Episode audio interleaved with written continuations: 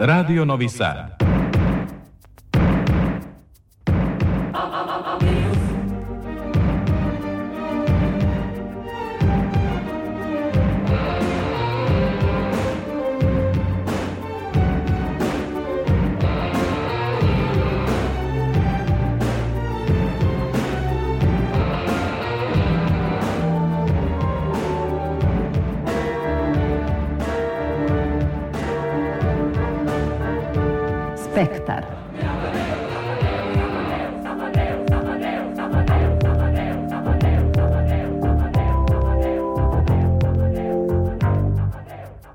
Spektar.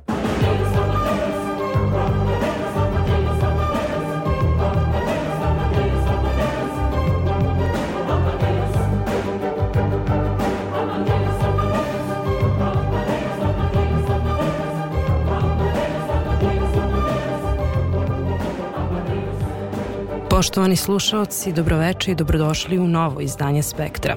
Moje ime je Isidora Bobić i sa vama u narednih sat i podelim najvažnije vesti sa kulturno-umetničke scene.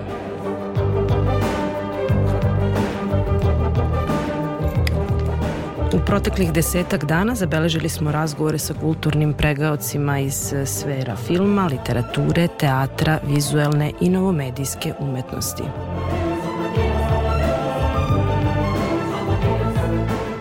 O čemu će sve biti reči, nakon Pariza, Berlina i Vašingtona, revija filmova sa 13. festivala filma Jugoistočne Evrope stiže u arenu Cineplex u Novom Sadu pod nazivom Balkanofilmofilija. Grad Novi Sad saopštio je da postaje deo UNESCO mreže kreativnih gradova u kategoriji novih i digitalnih umetnosti.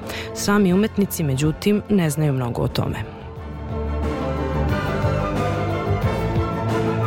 A u tom istom Novom Sadu predstavljena nova knjiga kratkih priča Lasla Darvašija, prvog dobitnika nagrade Aleksandar Tišma. Rusinski, ali i srpski pisac Nikola Šanta objavio novi roman Zlatno zvonce. U saradnji Novi Sad Temišvar u okviru projekta Evropska prestonica kulture razmišlja se o razvijanju koncepta imaginarnog muzeja prestonice. Nagrada Velika zlatna forma Udruženja primenjenih umetnika i dizajnera Vojvodine pripala Dunji Branovački. U Kulturnom centru Novog Sada premijerno izvedena predstava Psihoza u 4.48 mladog reditelja Nemanje Mijovića po čuvenom poslednjem tekstu Sare Kane.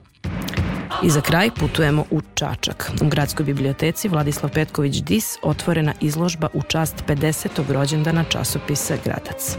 Opširnije o svemu tome nakon muzike po izboru Zorana Gainova. Ja sam Isidora Bobić, spektar tonski realizuje Mihail Daždiju.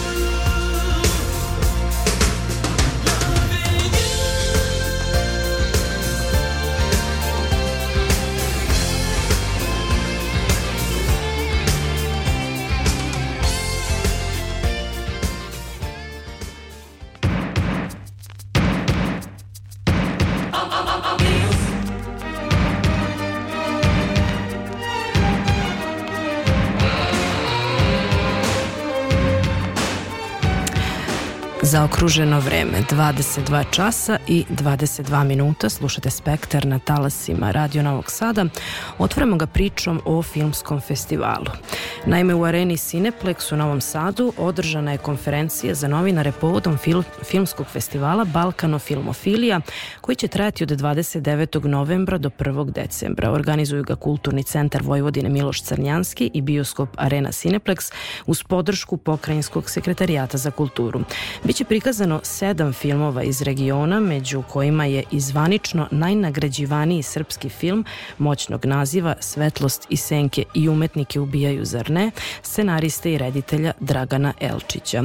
Poetikom slike, zvuka i tišine, univerzalnim jezikom umetnosti, film pokušava da dočara život i stvaralaštvo jednog od najvećih srpskih umetnika 20. veka, Save Šumanovića. Osvojio je do sada 57 međunarodnih priznanja na festivalima u Indiji, Singapuru, Južnoj Koreji, Kataru, Dubaju, Maleziji, Arabiji, Bliskom istoku, Grčkoj i Francuskoj, kaže PR-ka Kulturnog centra Vojvodine Miloš Crnjanski, Gordana Nonin.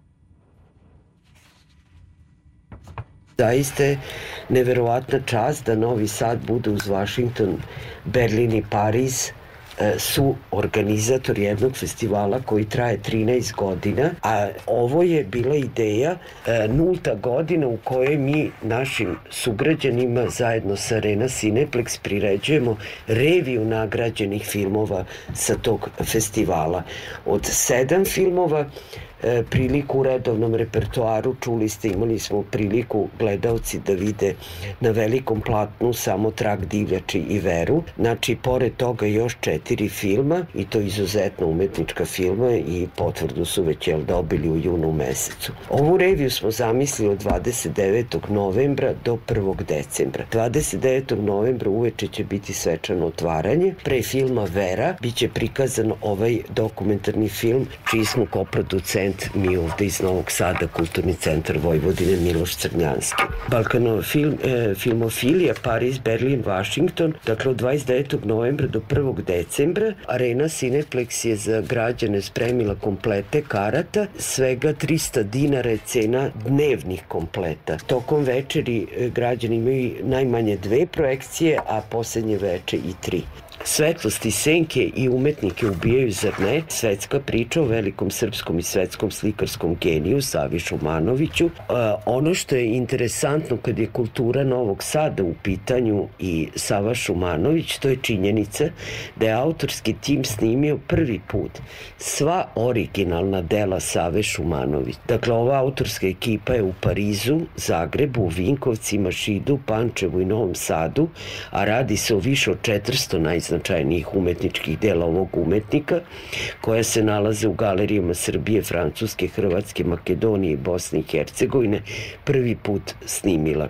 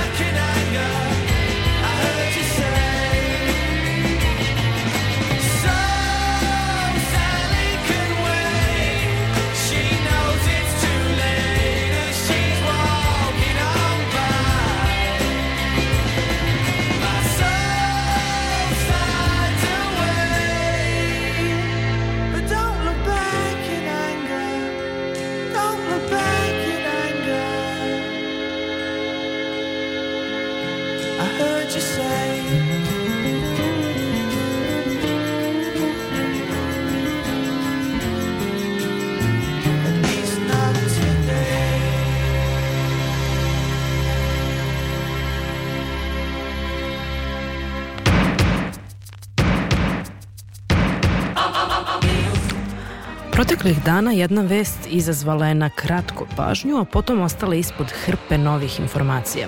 Grad Novi Sad saopštio da je dobio prestižno priznanje, postao deo UNESCO mreže kreativnih gradova u kategoriji novih digitalnih i medijskih umetnosti. Novi Sad je jedan od četiri grada koji su ove godine dobili to zvanje u kategoriji medijskih umetnosti i prvi u ovom delu Evrope. Još jedno svetsko priznanje u oblasti kulture potvrda je kontinuiteta ulaganja u ukupni razvoj našeg grada, rekao je gradonačelnik. Za tu titulu kandidovalo ga je iskustvo tokom programa Evropske prestonice kulture, a jedan od glavnih razloga za nominaciju bio je upravo očuvanje nasleđa programa kulturne prestonice, posebno u oblasti medijske umetnosti. Novi Sad baštini tradiciju novomedijske i video umetnosti koja je u nastavi na akademiji još s kraja 70-ih. Dekan Akademije umetnosti u Novom Sadu, Siniša Bokan, kaže da je taj grad zasluženo u mreži od 350 kreativnih gradova sveta, a da Akademija sa brojnim modernim programima ima centralno mesto u razvoju strategija. Sa njim je razgovarala naša Aleksandra Rajić. Ja ovaj status Novog Sada u okviru UNESCO kreativnih grada u oblasti digitalnih umetnosti vidim kao jednu potvrdu dugogodišnje strategije Akademije umetnosti koja je uvek bila otvorena ka savremenim i novim tehnologijama. I tu u smislu umetničko-istraživačkog rada, ali takođe u onom svakom drugom smislu da digitalni mediji su u stvari takođe predmet nekog prostora komunikacije i mi pažljivo pratimo sve ono što se dešava na način da implementiramo i neke inovacije studijske programe kako bismo bili i naši studenti spremni da u budućnosti sav taj prostor smatraju prostorom polja umetnosti ili primenjene umetnosti i uopšte mogućnosti komunikacije koje pre svega za njihovo stvaralaštvo naravno veoma važna stvar. Tako da smatram da je Novi Sad zaslužio što se tiče onog što ima u edukativnoj sferi svakako da bude ovaj, e, proglašen UNESCO gradom kreativnih digitalnih umetnosti i mislim da u stvari ćemo mi u velikoj meri i opravdati one sve mogućnosti koje to sobom nosi i koje to nudi, tako što u stvari mislim da na polju stvaralaštva u oblasti digitalnih umetnosti, na polju izučavanja prostora digitalnih umetnosti i medija, mislim da mi smo stvarno centar koji ima šta da kaže i šta da ponudi. Ja mogu da istiknem brojne pojedince kao nastavnike i studente Akademije umetnosti koji su stvarno ovaj, e, pioniri ovim prostorima kad je u pitanju neki da kažem, korpus uopšte medija digitalnih umetnosti, pa pre svega i uvek da ističem profesoricu Bogdanku Poznanović koja je bila jedna osnivač katedre za nove likovne medije kod nas i bila vizionar koja ovaj, je stvarno doprinala jednom afirmaciji stava da ovaj, akademija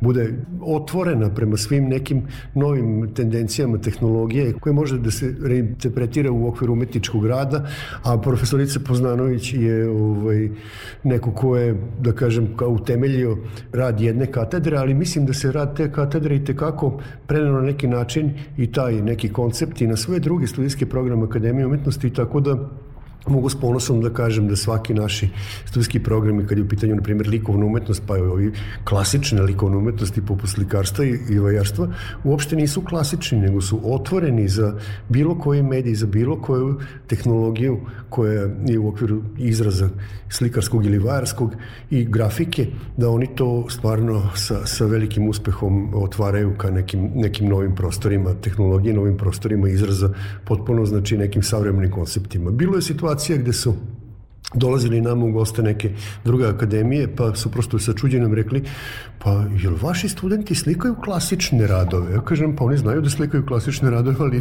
niko im ne brani da slikaju šta žele, tako da mi je to bilo u stvari potvrda toga da ovaj, taj naš neki savremeni pristup u stvari je stvarno za njih dosta značio i da su bili stvarno ljudi koji su umeli da na bilo kom tržištu, na bilo kom poslu da se snađu i da ovaj, veoma lako, lako negde se uklapaju u sve ono što je, što je savremeni život nosi. Imate li već neke projekcije kako će se akademija koja ima katedru, dakle za nove medije, odnosno departman, u tim novim okolnostima, odnosno u tom novom statusu Novog Sada ponašati zapravo? Kakve to mogućnosti vam otvara? Rano je reći šta će biti neki okvir sada i neki, neka strategija koja će se dešavati tim povodom i na koji način sve se mogu ovaj, organizovati neke aktivnosti koje će ovo pratiti, ali e, nije to sad pitanje samo katedre za nove medije, u Akademiji umetnosti u polju digitalnog stvaralaštva takođe i brojni drugi, ne samo likovni i primenjeni, departman likovni i primenjeni umetnosti, nego i katedra za audiovizualne medije u okviru departmana dranskih umetnosti takođe ima brojne studijske programe koji mogu da se svrstaju u digitalno stvaralaštvo kao što su game design, animacija, vizualne efekti, pa svi oni tradicionalni, naravno i kamera i montaža i produkcija, jer se i rade razni, razni oblici ovoj stvaralaštva koji se vezuju za digitalne medije. Takođe, na primjer, i studijski program restauracije konzervacije izvodi neke projekte koji mogu da ovaj, se, se u kategoriju digitalnog stvaralaštva. Katedra za digi, dizajn interijera takođe radi projekte koji imaju znači za cilj da se evocira neko kulturno nasledđe, ali kroz, kroz vidove digitalnog stvaralaštva, znači pravljenje nekih referentnih u odnosu na kulturno nasledđe, okvira prezentacija kako je nekad nešto izgledalo ili znači nekih vizualizacija nekih prošlosti, a takođe i na restauraciji ovaj nekih objekata, evo mogu da pomenem, znam da rade sad na projektu rekonstrukcije Špicerovog dvorca u Beočinu i takve znači neke stvari, tako da mislim da mi ne samo ovaj kurs katedra za nove likovne medije medije koji ima onaj jedan specifičan, da kažem, prema tome afinitet, nego mislim da i drugi delovi Akademije umetnosti mogu da se uključe u tu novo nastalu situaciju da je Novi Sad proglašen UNESCO kreativnih gradova u digitalnom stvaralaštvu. I onda ta neka interakcija između različitih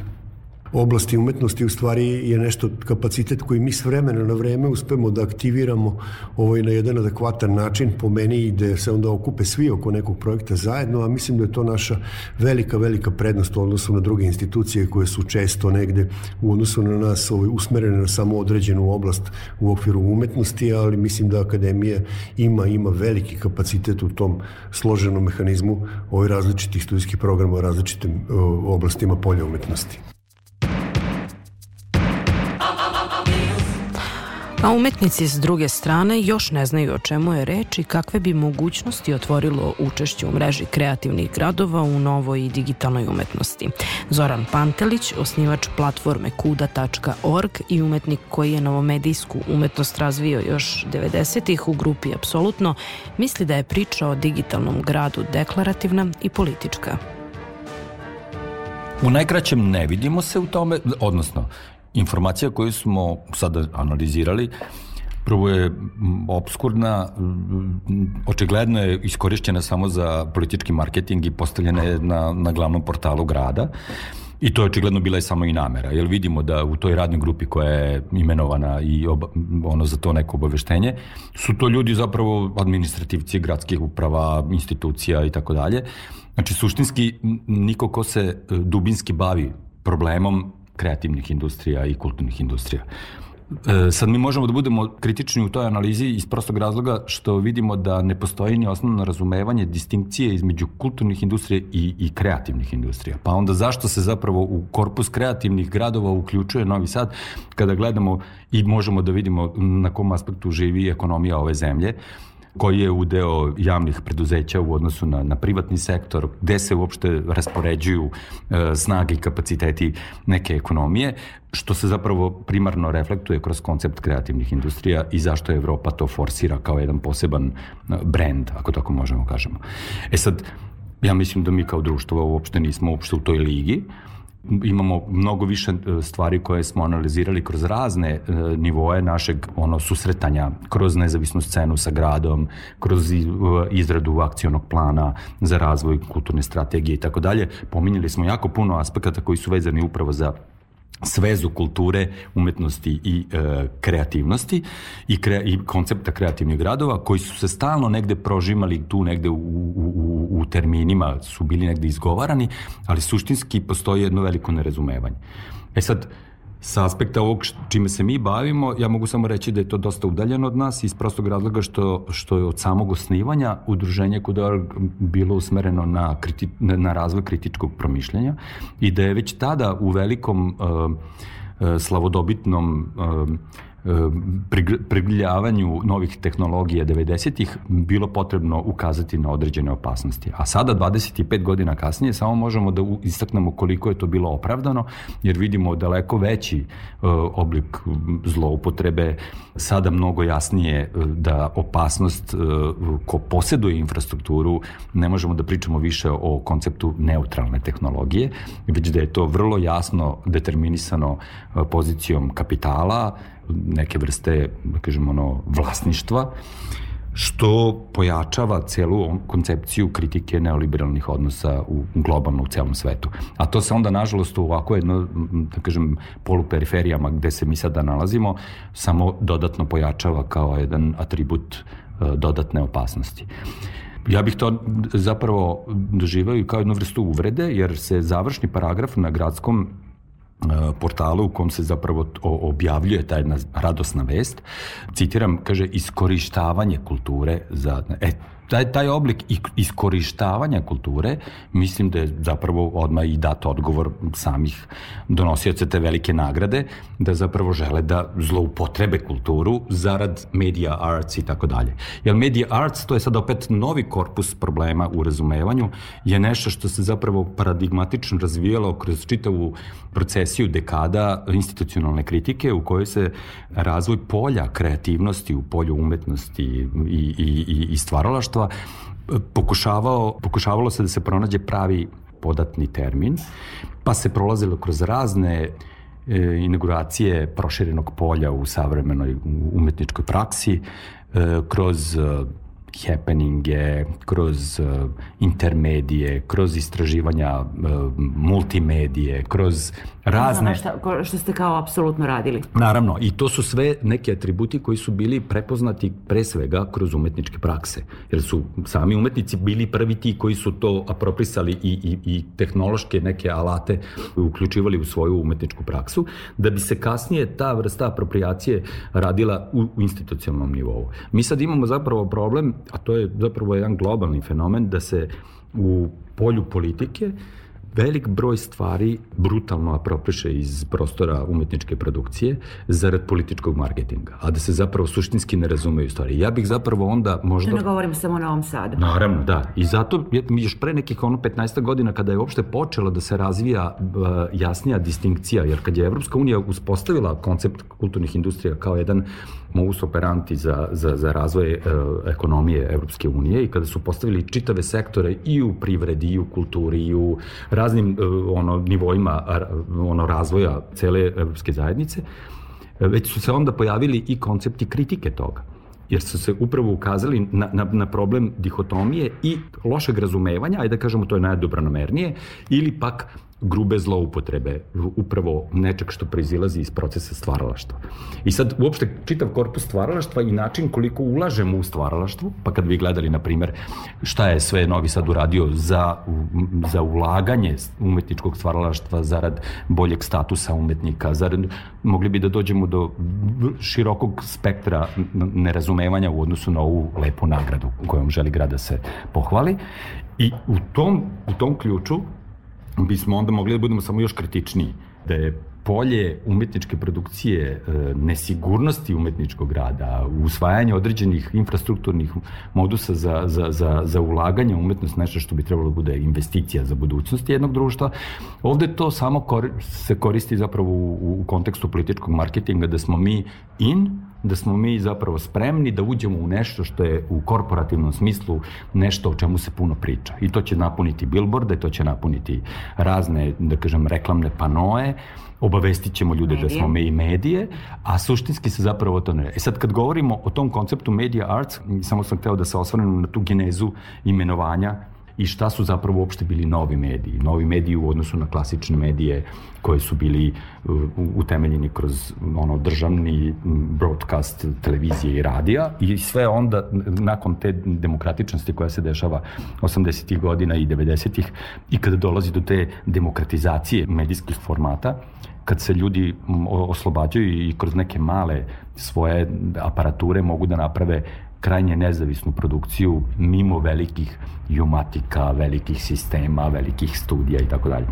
I sad, taj media arts se isto tako zlurabi, jer se zapravo misli pre svega na medijsku sferu globalne informisanosti. Ali kada govorimo o, o, medijskom, o medijskom aspektu razumevanja određenog medijskog formata i na koji će način e, te komponente u kognitivnom smislu biti utkane u određenu umetničku ekspresiju. Ja mislim da tu dolazimo do, do velikog problema, pre svega što se već godinama nalazimo u jednom velikom problemu da je nerazvijena umetnička kritika. Samim tim ta umetnička kritika može da doprinese boljem razumevanju i transmisiji nečeg što dolazi iz umetničke produkcije u da kažem, stvarni, realni svet razmene informacija i, i, i podataka i to je onda još jedan dodatak u jednom opštem nerazumevanju. Ja mislim da zapravo ovde u načelu je prisutno jedno veliko neznanje i jedna želja da se bude prikazan kao deo nekog velikog kluba.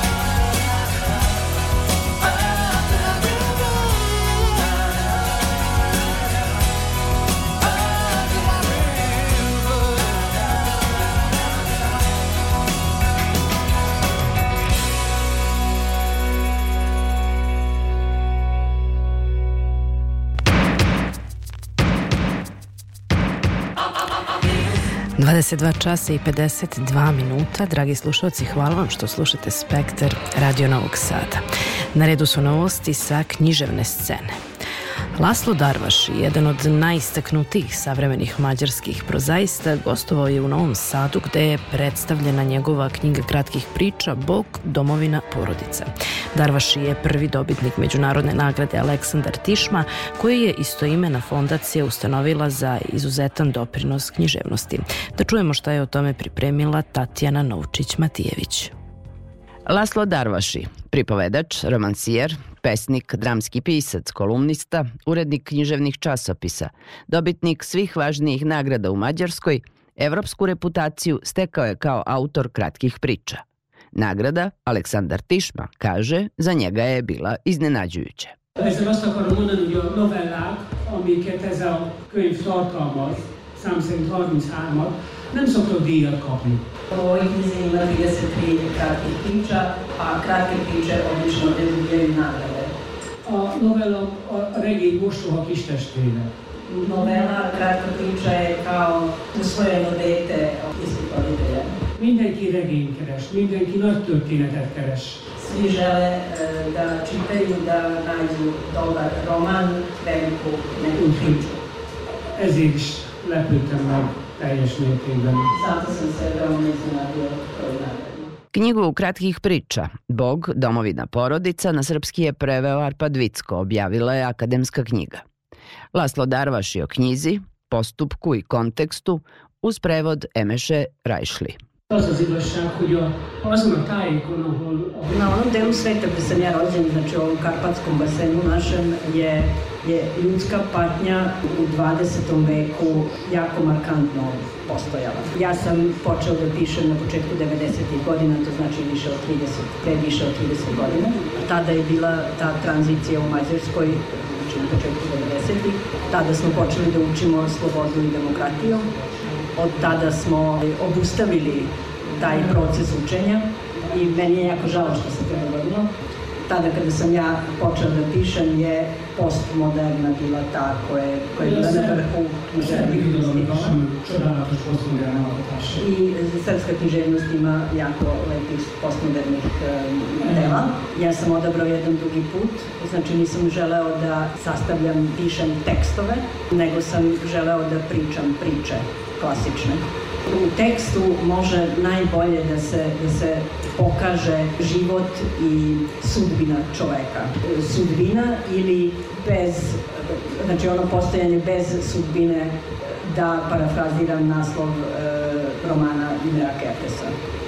Na početku sam naravno samo opažao ljude oko sebe e, i tek je kasnije su nastale, tek kasnije su nastale rečenice od tog opažanja. Video sam i naravno i sada vidim jako puno patnje koje niti ti ljudi koji pate niti ne pokušavaju da prikriju. Često sam u toj takozvanoj provinciji e, u Mađarskoj, tamo živi moja majka i, i vidim način života tih ljudi koji žive van Budimpešte. Tako je nastala ta knjiga, to su zapravo realističke kratke priče, zapravo kamerni komadi. Jako je zanimljiva stvar pisati kratke priče, novele. Ne postoji takva vrsta književnog dela osim eseja koje ja nisam napisao, ali e, kratka priča novela daje neke, neke veoma određene okvire pisanju. U noveli ne sme da bude ni jedna suvišna reč. Kada se u meni rodi jedna takva priča, to je praktično već gotova, sad treba samo da se napiše. Ili recimo kada čovek dobije jednu novu informaciju, kaže mi jedan prijatelj da je otišao kod jednog drugog prijatelja koji je apotekar. Trebali su da, da pale nepotrebne recepte. Papir od tih recepata veoma teško gori. Jedva su mogli da stvarno ovaj, spale te nepotrebne recepte. U tom trenutku sam znao kada sam čuo da je to toliko mala, ali toliko zanimljiva informacija. Ja ću bez toga da napišem priču. Pre knjige Bog domovina porodica na srpski je pre 13 godina prevedena i knjiga Nabaviti ženu, nastala pod snažnim utiskom krvavog rata na jugoslovenskom prostoru, a proza Lasla Darvašija prevođena je i čitana i u regionu. So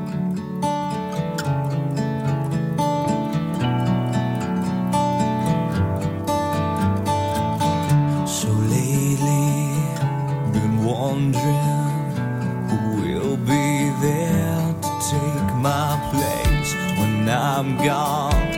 You'll need love to light the shadows on your face. If a great wave shall fall and fall upon us all, then between the sand and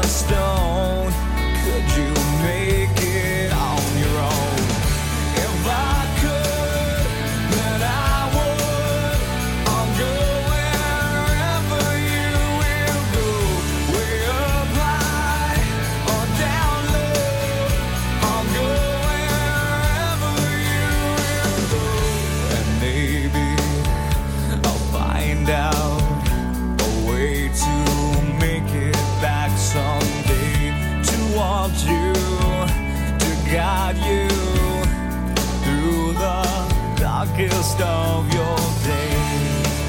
If a great wave shall fall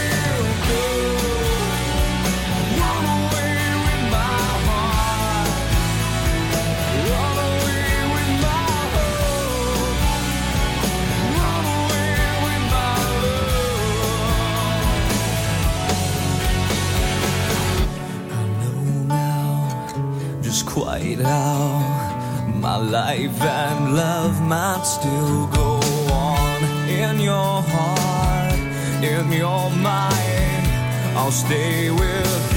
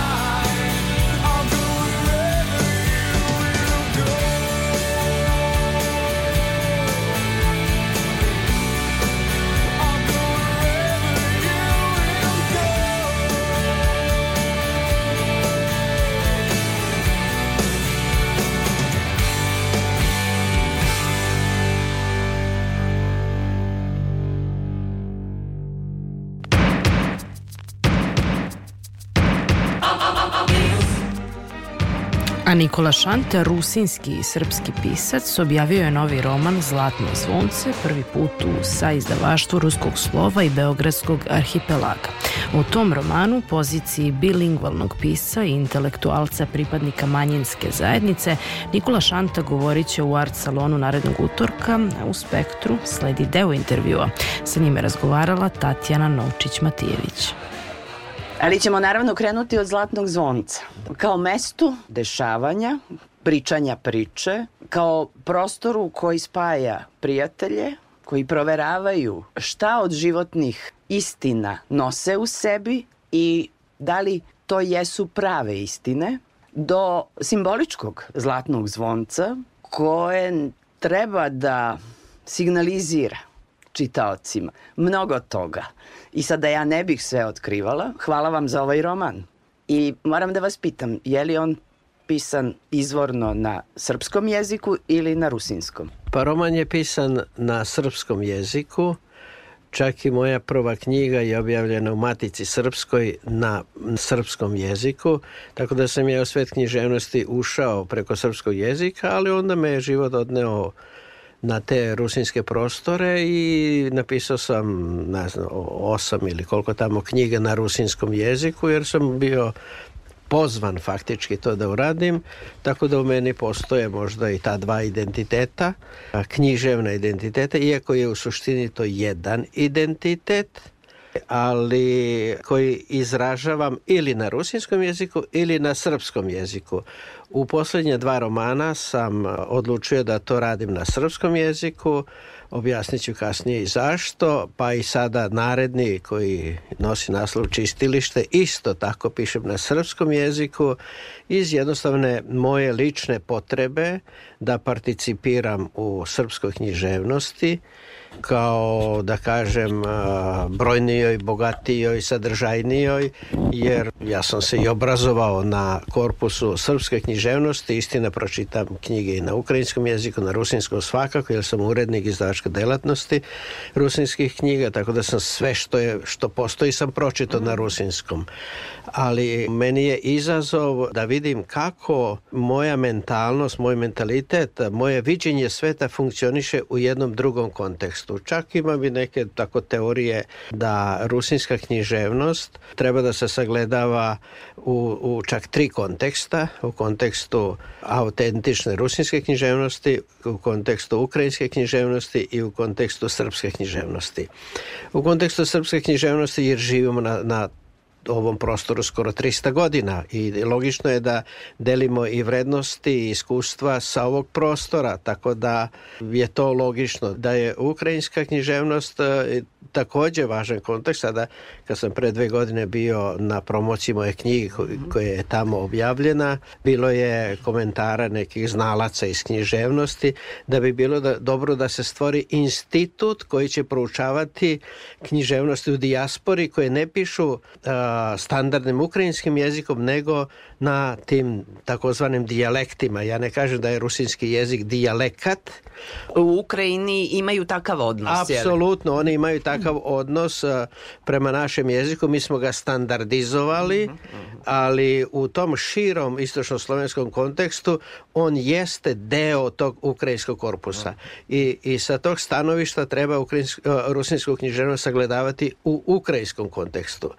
I normalno podrazumeva se da, da je taj autentičan rusinski korpus uh, takođe imanentan za sagledavanje, ali on je, da kažem, vidite, to, to ima deseta knjiga godišnje i onda knjige su različitih vrednosti i onda se ne razvije ni kritička svest prema književnosti. I jednostavno to je mala zajednica koja nema kapacitet da, da sve to percipira u sebe. Krh, krhko biće jezika, jel da? Krhko biće, da, tako da. je. Tako da evo, ali vratit ću se na roman koji ste spomenuli, Zlatno zvonce. Roman se događa u Rumenci, uh -huh. u Čardi Zlatno zvonce. Tamo sam ga smestio jer se tamo, tamo su se događale te diskusije, razgovori i onda sam normalno domislio jednu priču koje je to, nekome se dopada, nekome možda i ne, ali ima svoje sad. Suština romana jeste, moglo bi se priča o prijateljstvu, jel? je. ali to je propitivanje. Da.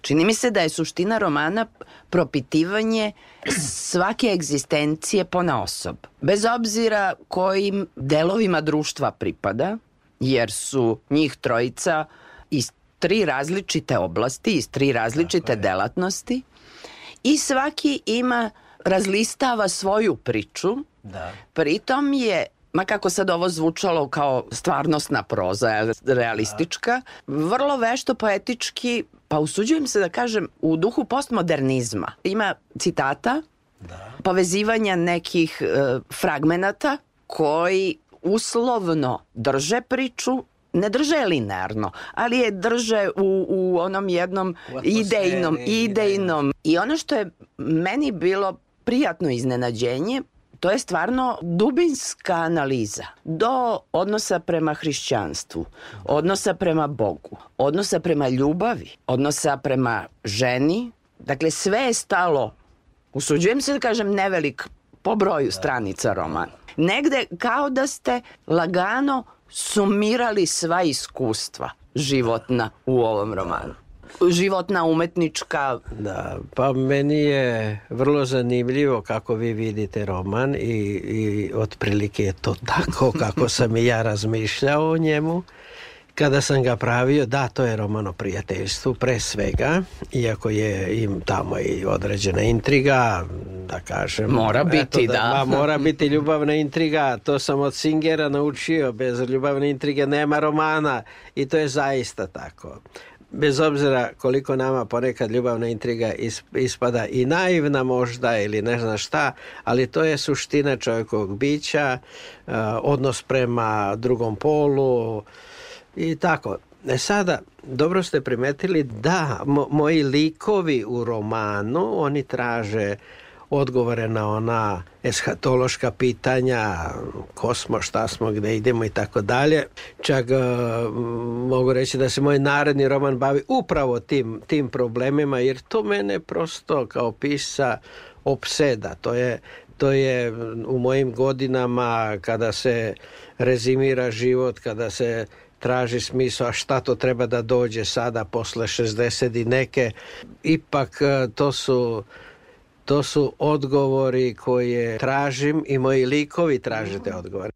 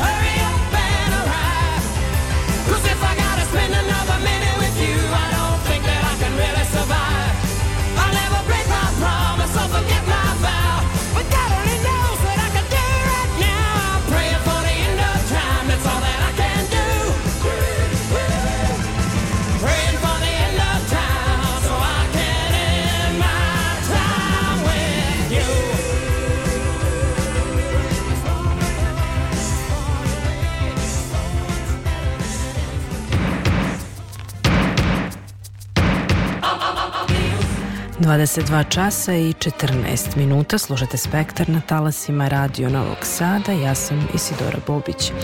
Polako klizimo dublje u noć, a oni najverniji slušalci možda pamte da je prošlog petka Spektar u Temišvaru zabeležio otvaranje izložbe Paralele Novi Sad Temišvar, nastale u saradnji Galerije Matice Srpske sa Nacionalnim umetničkim muzejom u Temišvaru, kojom su povezane dve kulturne prestonice Evrope, prošlogodišnja i trenutna, i što je još uzbudljivije, dve zbirke koje imaju bliske istorijske i umetničke korene, kolekcije i umetnike. E, Dve kolekcije razvijaju koncept imaginarnog muzeja Evropske prestonice kulture i razmišljanja o jedinstvenom umetničkom prostoru, a na to je ukazala kustoskinja izložbe Aleksandra Čelovski.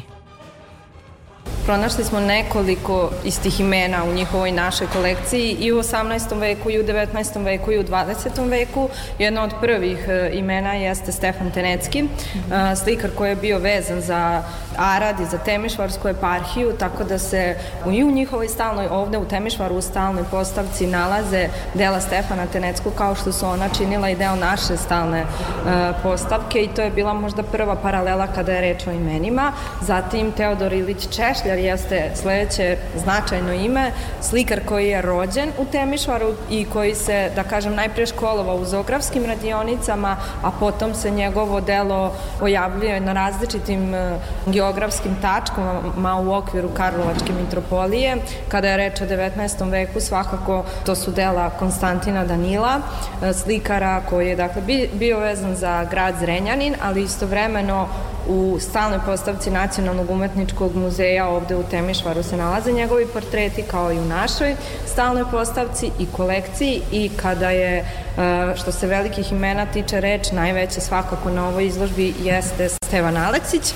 Prošle godine kada je izložba realizovana u galeriji, dva njegova autoportreta jesu činila našu, bili su istaknuti kao vizuelni identitet čitave izložbe jer smo smatrali da su to možda najprepoznatljiviji portreti, a svakako znamo iz naše prakse da ih publika najviše voli, najbolje reaguje na njih, tako da osim ova dva autoportreta Steve Aleksića, tu su još neke njegove ikone koje smo pozajmili iz Nacionalnog umetničkog muzeja i iz eparhijske riznice i jedna od njih je iz kolekcije Galerije Matice Srpske. Ono što predstavlja možda neku specifičnost ili interesantnu činjenicu vezano za izložbu sada u Temišvaru jeste da veliki reprezentativni portret Savete Kelije koji predstavlja jedan od e, idejnih e, začetaka naše izložbe i uopšte kolekcije Galerije Matice Srpske po prvi put sada, e, dakle nakon što je naslikan u Pešti i prenet u Novi Sad, e, putuje van granica Srbije i evo ga sada ovde e, u baroknoj sali Nacionalnog umetničkog muzeja u Temišvaru.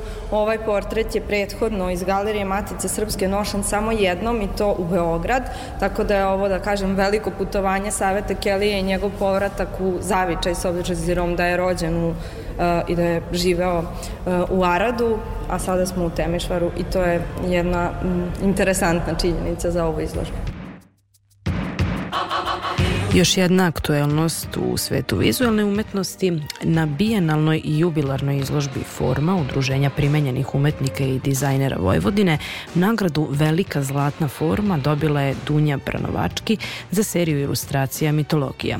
Radovi umetnika predstavljeni su u Galeriji Akademije umetnosti u Novom Sadu. Slušamo šta o tome beleži Aleksandra Rajić.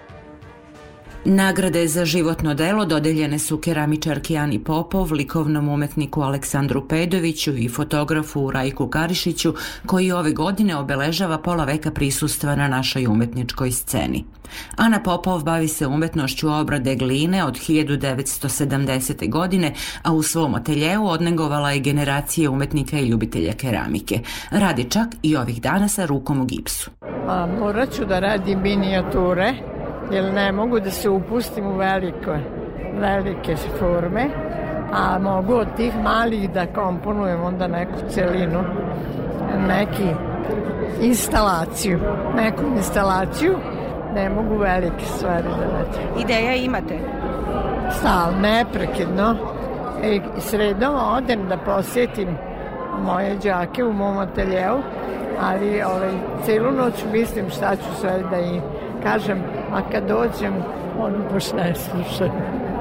Pričaju aktuelnosti neke, ali očigledno vole i oni da rade. Na 25. formi predstavljeni su radovi umetnika u pet sekcija udruženja, a predsjednik Upidiva Zdravko Rajčetić ovako ocenjuje dvogodišnje tendencije i poetike umetnika udruženja.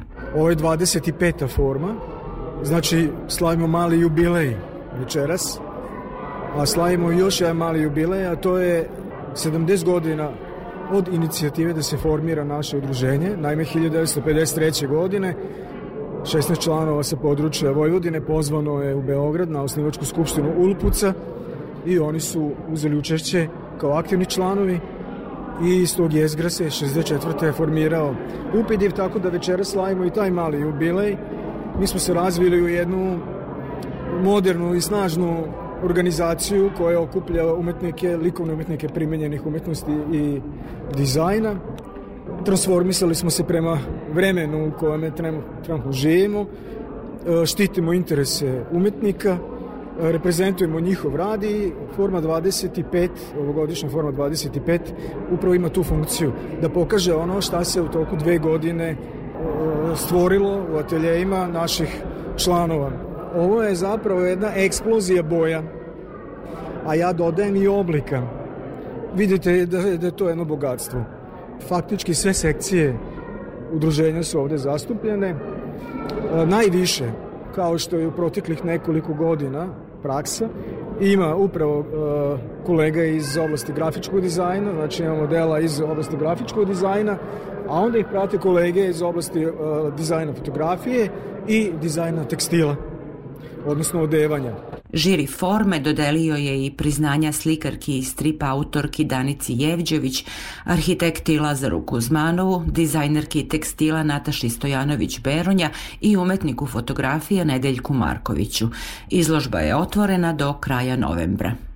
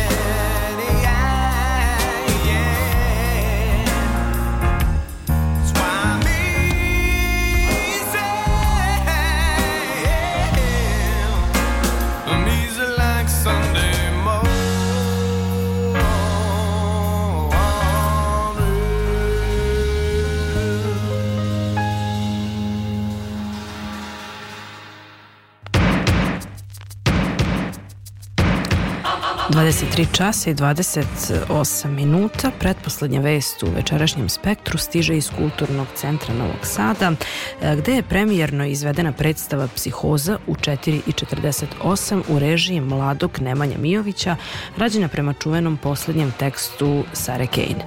Predstava je nastala na inicijativu mladih scenskih umetnika koji su poneti brigom o tabuiziranju i generalizovanju problema depresije želeli da kroz performativni diskurs skrenu pažnju na važnost individualnog pristupa osobama koje od nje pate. Mladi reditelj sa Fakulteta dramskih umetnosti u Beogradu, Nemanja Mijović i novosadska glumica Nina Perge kažu da su želeli da preispitaju odnos čoveka koji se bori sa duhovnim slabostima i zajednice koja nema dovoljno razvijenu svest o najčešćem problemu modernog čoveka oličenom u ulozi Sare Kane. Beležimo razgovor sa njima. Predstava rađena po poslednjem delu Sare Kane do sada je viđena širom sveta mnogo puta u najrazličitim formama i glumačkim podelama i kao monodrama i kao velika koreografska predstava. Dakle, stvarno je prošla razne metamorfoze u tom smislu. Kako će vaša izvedba izgledati? Po čemu će ona biti autentična i da li je baš bio izazov stvoriti nešto novo, možda neki novi pogled rediteljski izneti posle već toliko igranja te predstave? Jeste. Tekst je rađen, mnogo više rađen uh, kroz uh, neki koreografski uh, ključ u većini izvođene, kao da je to plesna predstava neka ili je rađeno baš onako kako se i na prvu loptu nekako i čita da ta žena jeste luda, pa je to jedna žena koja prikazuje realistično sa svoje unutrašnje cijepanje, a ono od čega sam ja krenuo i što mi se čini da je drugačije nekako, jeste da to, da hajka ne postoji iz polja, u smislu da su to medicinsko osoblje, doktori i svi ostali, da je tu mnogobrojnost likova, nego da ta mnogobrojnost postoji unutar nje i da su to konkretno dva lika, da se prikaže taj rasjev, da bi mogli da se identifikujemo, to jest da stvorimo uh, tu njenu stvarnost baš onako kako jeste, da nije, da ne akcentujemo to ludilo, jer se borimo protiv njega, nego samo da prikažemo to što te unutrašnje persone koje svako od nas imaju, u stvari ta lica koja e, povremeno izađu, samo neko ih više akcentuje, neko manje i kao neko je više u dodiru sa njima, neko manje, ona je konkretno dosta u dodiru i izazov je veliki bio naći e, prije svega ključ postavke inscenacije ovoga svega jer je a, mnogo teško i kad se čita a, kao to je samo neka atmosfera nije ni jasno šta se je desilo toj ženi i onda je izazov meni kao reditelju bilo samo otključati događajnost te priče da bi mogao svako da je prati da ne ostane na nivou tih nekih lijepih poetskih misli i te neke poeme a, kao te poetske neke vrijednosti nego da scenska vrijednost kao takva bude samo interpretirana. Dakle, tekst tu otvara prostor za jednu slobodu e, rediteljsku, ali opet se treba biti oprezan, jel? Da baš u toj slobodi u tome kao da može bilo šta, e, ne mora ništa od toga da bude ono pravo i tu je veliki Aha. rizik jer je baš mač sa dvije oštrice. Jel mislite, evo, pitam i Nemanju i Ninu, da li imate utisak da je ovakav pristup možda humaniji, empatičniji u smislu da, kao što si rekao, svi mi imamo te neke razne podstanare u glavi, da tako se sad izrazi malo šaljivo, pa da možda demistifikujete zapravo jednu pojavu koja je tabu, o kojoj se nerado govori o društvu i gde su takvi ljudi odmah markirani kao da su ludi. Da li ste možda približili njen, njen lik svetu? Pa ja mislim da definitivno jesu. Možda je najbolja reč ovo što se iskoristila demistifikuje. Ja bar takav utisak imam da mi predstavljamo nju kao neku ženu koja priča realno o, o nekim stvarima, o, čak samo ni o, toj, o tom kao da kažem, ajde, problemu koji ona ima ili o toj nekoj kako ljudi kažu bolesti koja, koju mi ne predstavljamo tako. Realno pričamo i o zdravstvenom sistemu i o svim tim stvarima koji se, dešava, koje se dešavaju svakom od nas i zato je dobro jer će doći osoba koja možda uh, će da kaže pa ja isto ovako, ja se isto ovako osjećam, mene isto ovo dotiče. Koja je tvoja uloga? Moja uloga je uloga Sare, samo što smo mi podelili Saru na razum i svest i na njenu uh, liniju koja je ljubav. Ja predstavljam tu svest. Izazov je bio u, u tome kako prikazati svijest, a kako podsvijest. E, To je, to je najveći izazov možda da bude jasno e, otjel, otjelotvoreno to kao stanje, jer se radi o stanju nekom, i kako unutrašnja stvarnost u stvari, a to je ta podsvijest i zbog toga kao ta druga linija nekako ju pratimo, te, ti glasovi i sve ostalo, preokupira realnost i ospoljava se i postaje stvarnost iz koje ona ne može da izađe i jedino je to što ona može da prihvati, a njoj govore da u stvari to nije ono e, što jeste istina, nego istina nešto drugo i da objektivna stvarnost kao takva postoji. A Mi se baš ovdje borimo protiv te objektivne Mhm. stvarnosti, to je realnosti, jer mislimo da baš dosta što, i ona e, i u tekstu otvara na nivou e, jezičke artikulacije kao takve, koliko se mi mašimo sa, e, sa pojmovima i njihovim značenjima, koliko su, u stvari jezik kao takav ima tu moć. A to je da realnost postoji objektivno i kao ta realnost univerzalno kao ljudski konstrukt jeste nešto, ali da ne znači nužno ukoliko naša stvarnost koja e, ako ne korespondira sa tom realnošću, ako se mi osjećamo Naša što- percepcija, naša Tako je, da osjećanja. Što ona kaže, ta otuđenost Jozefa K. koju, koju i ona osjeća ako ne pripada toj realnosti, da e, ne znači nužno, e, a definitivno u tom jazu se stvara taj problem unutrašnji sa kojim ne možemo da se izborimo, posebno u današnjem dobu gdje je to moderna bolest i depresija i kao gdje e, na neki način i trend imati duševno, e, to jest mentalno oboljenje, jer nam je mnogo lakše da na taj način skinemo odgovornost kako za, kao svoj, ne, ne znam, svoju ljenost, svoje grehove, jel, kao jer su to grehovi neki sa kojima mi ne možemo da se izborimo i to su iskušenje, kako e, samo preuzeti odgovornost da je to u redu, ok, sa razlogom je tu, kao poslato je sa nekim razlogom, potrebno je našem tijelu, našem umu, našoj duši, potrebno da se osjeća tako. I to nije bolest. I mi se borimo protiv šifre kao takve, jer to čini mi se da je najveći problem. Individua kao takva e, nije bitna, ne može biti isto, ne može biti ista depresija moja i Ninina. Ako je možemo nazvati depresijom jer i sa tim pojmovima se mnogo. To je možda tuga, tuga aktivna, kao jako tugujem, to je moja aktivna radnja i to nije I to je nikakav- adekvatno osjećanje u nekim Naravno, da, situacijama. i kao potrebno je, ja nisam čovjek ukoliko to ne postoji. Ona govori o tome da ona čovjek i da njene hipersenzitivnost i kao to zlo koje ona osjeća oko sebe koje je ubija, u stvari kao nije njena bolest, to je bolest društva i društvo je psihotično i kao društvo je depresivno, a ona zbog svega toga srlja u samoubistvo jer niko nigdje ne nalazi potvrdu da, da je u redu. Želim vam sreću da, da doprete do srca vaših gledalaca i do njihovog uma, da ga malo otvore. Hvala vam što ste govorili za Radio Novi Sad. Hvala što ste nas pozvali.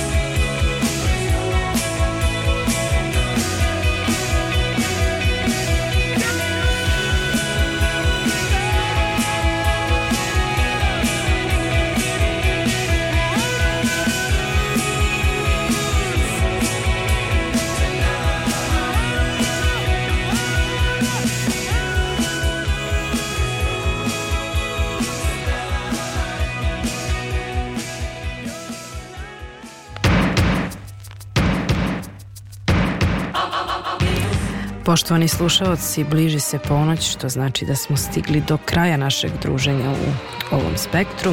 Noć obdijama želim da uživaju u, i u pesničkim minijaturama koje slede, a koje uređuje kolega Nikola Rausavljević. Onima kojima san već kuca na prozore kapaka, želim mirnu i laku noć. Pozdrave iz studija Radio Novog Sada, šalju vam Isidora Bobić i Mihail Daždiju.